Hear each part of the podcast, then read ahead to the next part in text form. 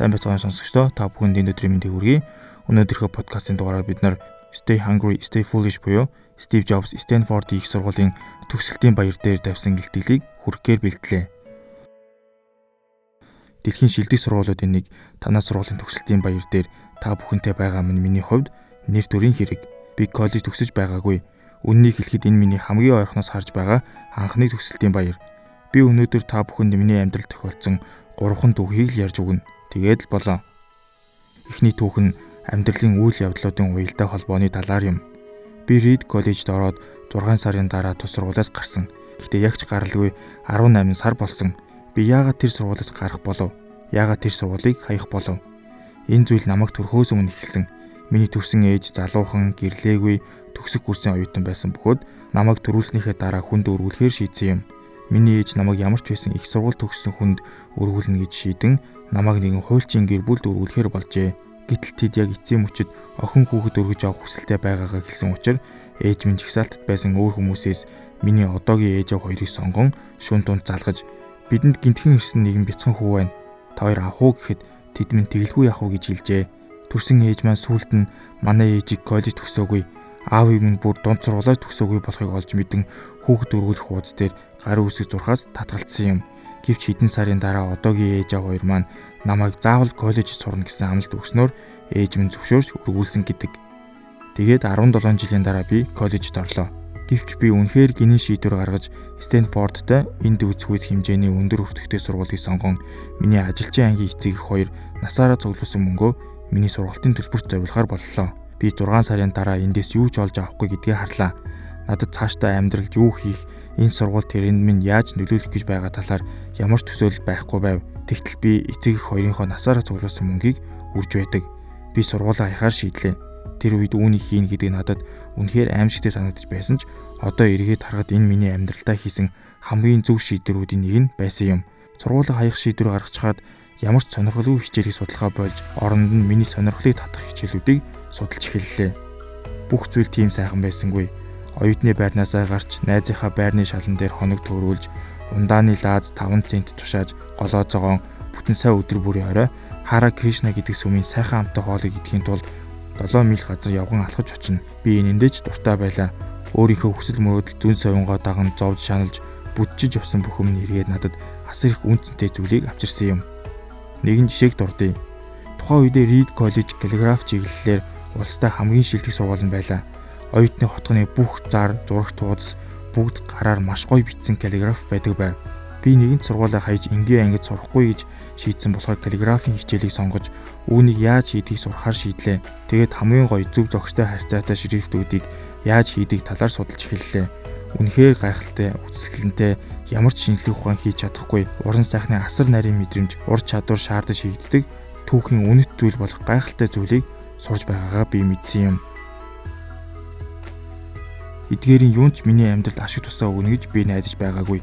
Гэвч 10 жилийн дараа анхны Macintosh-ын загварыг гаргах үед энэний ашиг тусна гарсан юм. Тэгээд яг тэр шрифтүүдийг яг байгаагаар нь Macintosh-ын загварт тусгасан юм.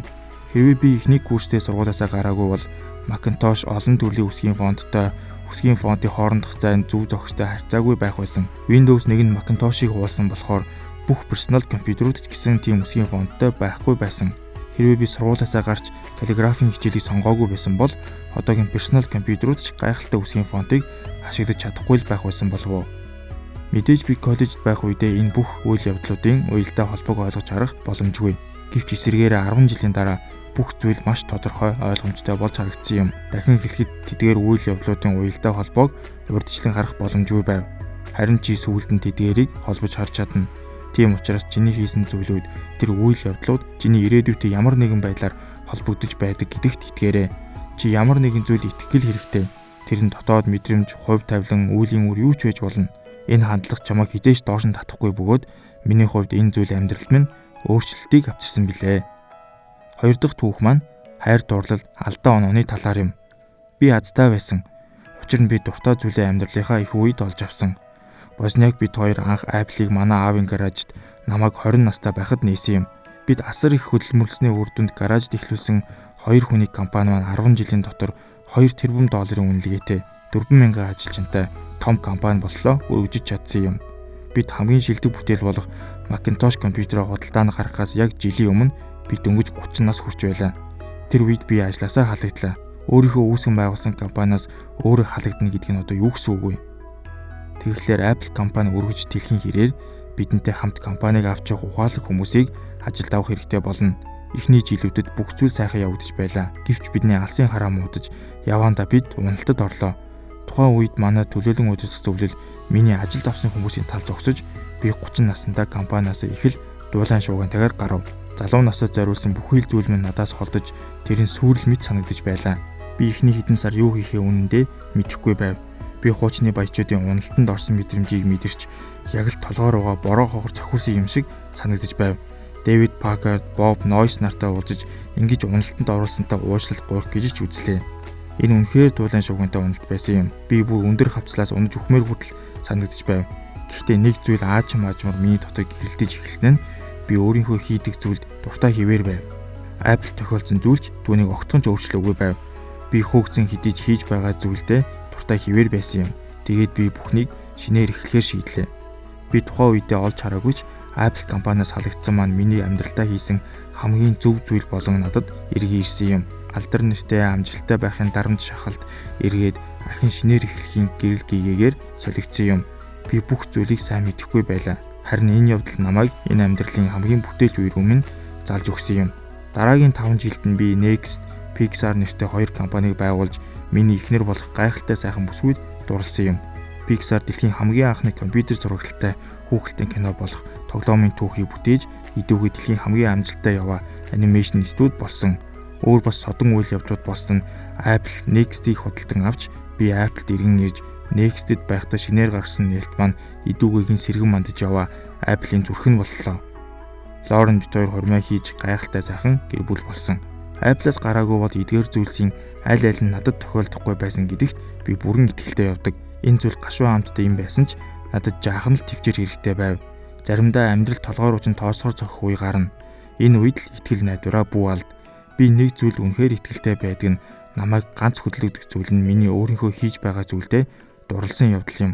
Чи өөрийнхөө юунд дуртай, юунд дурлахаа заавал хайж олох хэрэгтэй. Чиний хийж байгаа ажил чинь чиний хайртай хүнтэй агаар нэг юм. Чиний ажил амьдралын чинь маш том хэсгийг дүүргэж байдаг.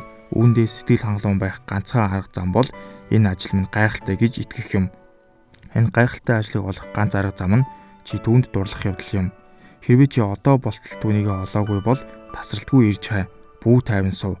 Чи яг тэр ажлаа олох үед зүрх сэтгэл чинь өөрөө түүнийг таньдаг. Яг л гайхалтай үерхэл нөхөрлөл шиг он жил өнгөрөх тусам улам сайжирч чамд наалдж байдаг. Тийм учраас түүнийгээ олох хүртлээр цөхрөлтгүй ирж хай. Бүү тайван сув. Миний одоо ярих 3 дахь түүх бол үхлийн талаар юм. Би 17 настай байхдаа нэгэн ишлэл уншиж байсан юм. Хэрвээ чи өдөр бүрийг амьдралынхаа сүүлийн өдөр гэж бодвол нэг л өдөр тэр чинь үнэхээр биелэлээ олох болно гэж. Энэ үг надад үнэхээр хүнзэг сэтгэл төрүүлж тэр үеэс одоо хүртэл 33 жилийн турш би мартаагүй байна. Тэгээд би өдөр бүр толныхоо өмнө зогсоод өөрөөсөө хэрвээ өнөөдөр миний амьдралын сүүлийн өдөр бол өнөөдрийн хийх гэж байгаа зүйлсийг би хийх байсан уу гэж асуудаг. Тэгээд хариулт нь маш олон үгүй байвал би амьдралаа өөрчлөх хэрэгтэй болжээ гэж ойлгодог. Өөрийгөө удахгүй үхнэ гэж бодох нь намайг амьдралдаа маш том алхам хийхэд хүргэдэг хамгийн том зэвсэг болдог. Учир нь бараг л бүх зүйл, бүх гадаад хүчин зүйлс, бардамнал, алдхаас айх айдас бүгд үхлийн өмнө замхарч алга болдог. Үүнээс гарах гарц нь энэ бүх зүйлийг хаях үл тоох юм. Удахгүй үхнэ гэж бодох нь ямар нэгэн зүйлийг алдна гэсэн айдсаа таягдан хаях хүч болдог. Чийл хэдийн нүцгэрсэн чам зүрх сэтгэлээ дагахаас өөр ямар ч зам байхгүй. Би жилийн өмнө хорт хавдартай гэсэн онш тогтоолго боллоо өглөөний 7:30-д үзлэгт орж миний нойр булчирхаа дээр том хавдар байгааг мэдлээ. Би үнэндээ нойр булчирхаа гэж юу байдгийг ч мэдэхгүй байв. Эмч нар үүнийг идэгшгүй хорт хавдар бөгөөд надад үнэндээ 3-аас 6хан сарын нас үлдсэн гэж тайлбарлалаа. Эмч маань надад гэрлүүгээ хараад нэмэх замраагүй болсон айцаа цэгцэл гэж хэлсэн нь нэг ёсондоо бол үхэлдээ бэлд гэсэн үг байв. Энэ нь үр хүүхдүүдэд дараагийн 10 жилд хэлнэ гэж бодож явсан үгээ ердөө хэдхэн сарын дотор хэлж дуусгая гэсэн үг. Энэ нь бүх зүйлийг цэгцэлж гэр бүлийг инээ тусах зовлон багч гисэн нэмлээ гэсэн үг юм. Энэ нь хүмүүст баяртай гэж хэлээ гэж байгаа юм.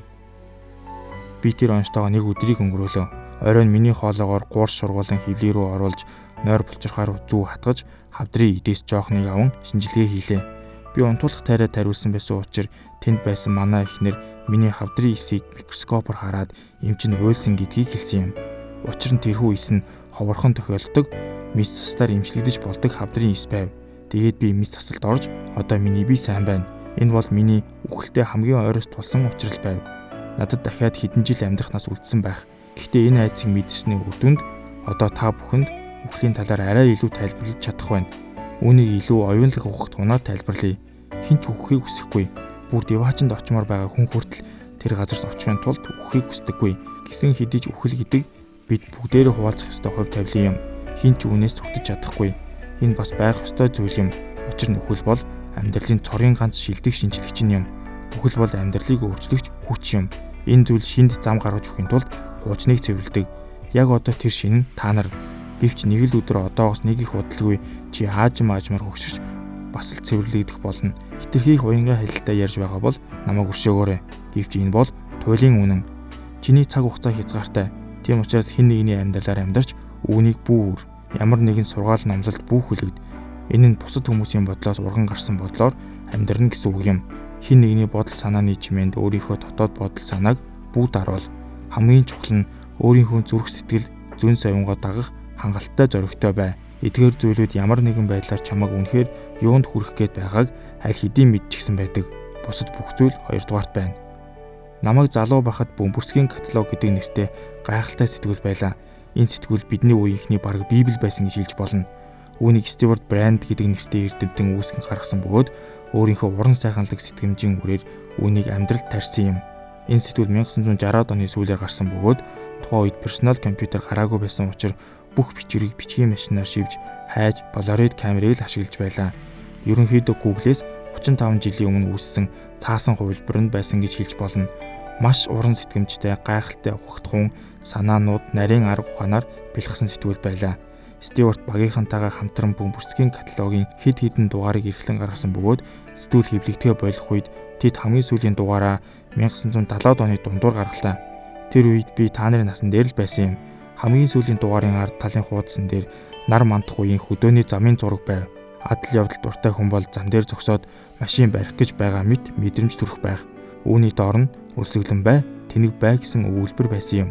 Энэ тэдний хамгийн сүүлд гарын үсгээ болгон бичсэн үүдэлтийн үг байлаа. Өсөглөн бай, тэнэг бай. Би энэ үгийг үргэлж өөртөө хүсэн өрөөдөг байв. Харин одоо шинэ үе болсон төгсөгч та бүхэнд үүнийг хүсэж байна.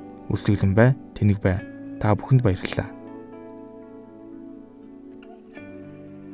Хэрэгтэй подкастын маань энэ удаагийн дугаар энэ хүрээд өндөрлөж байна. Та бүхэн хэрэгтэй зүйлийг хүргэсэн бахаа гэж найдаж байна. Дараагийн дугаар хүртэл түр баяр таа.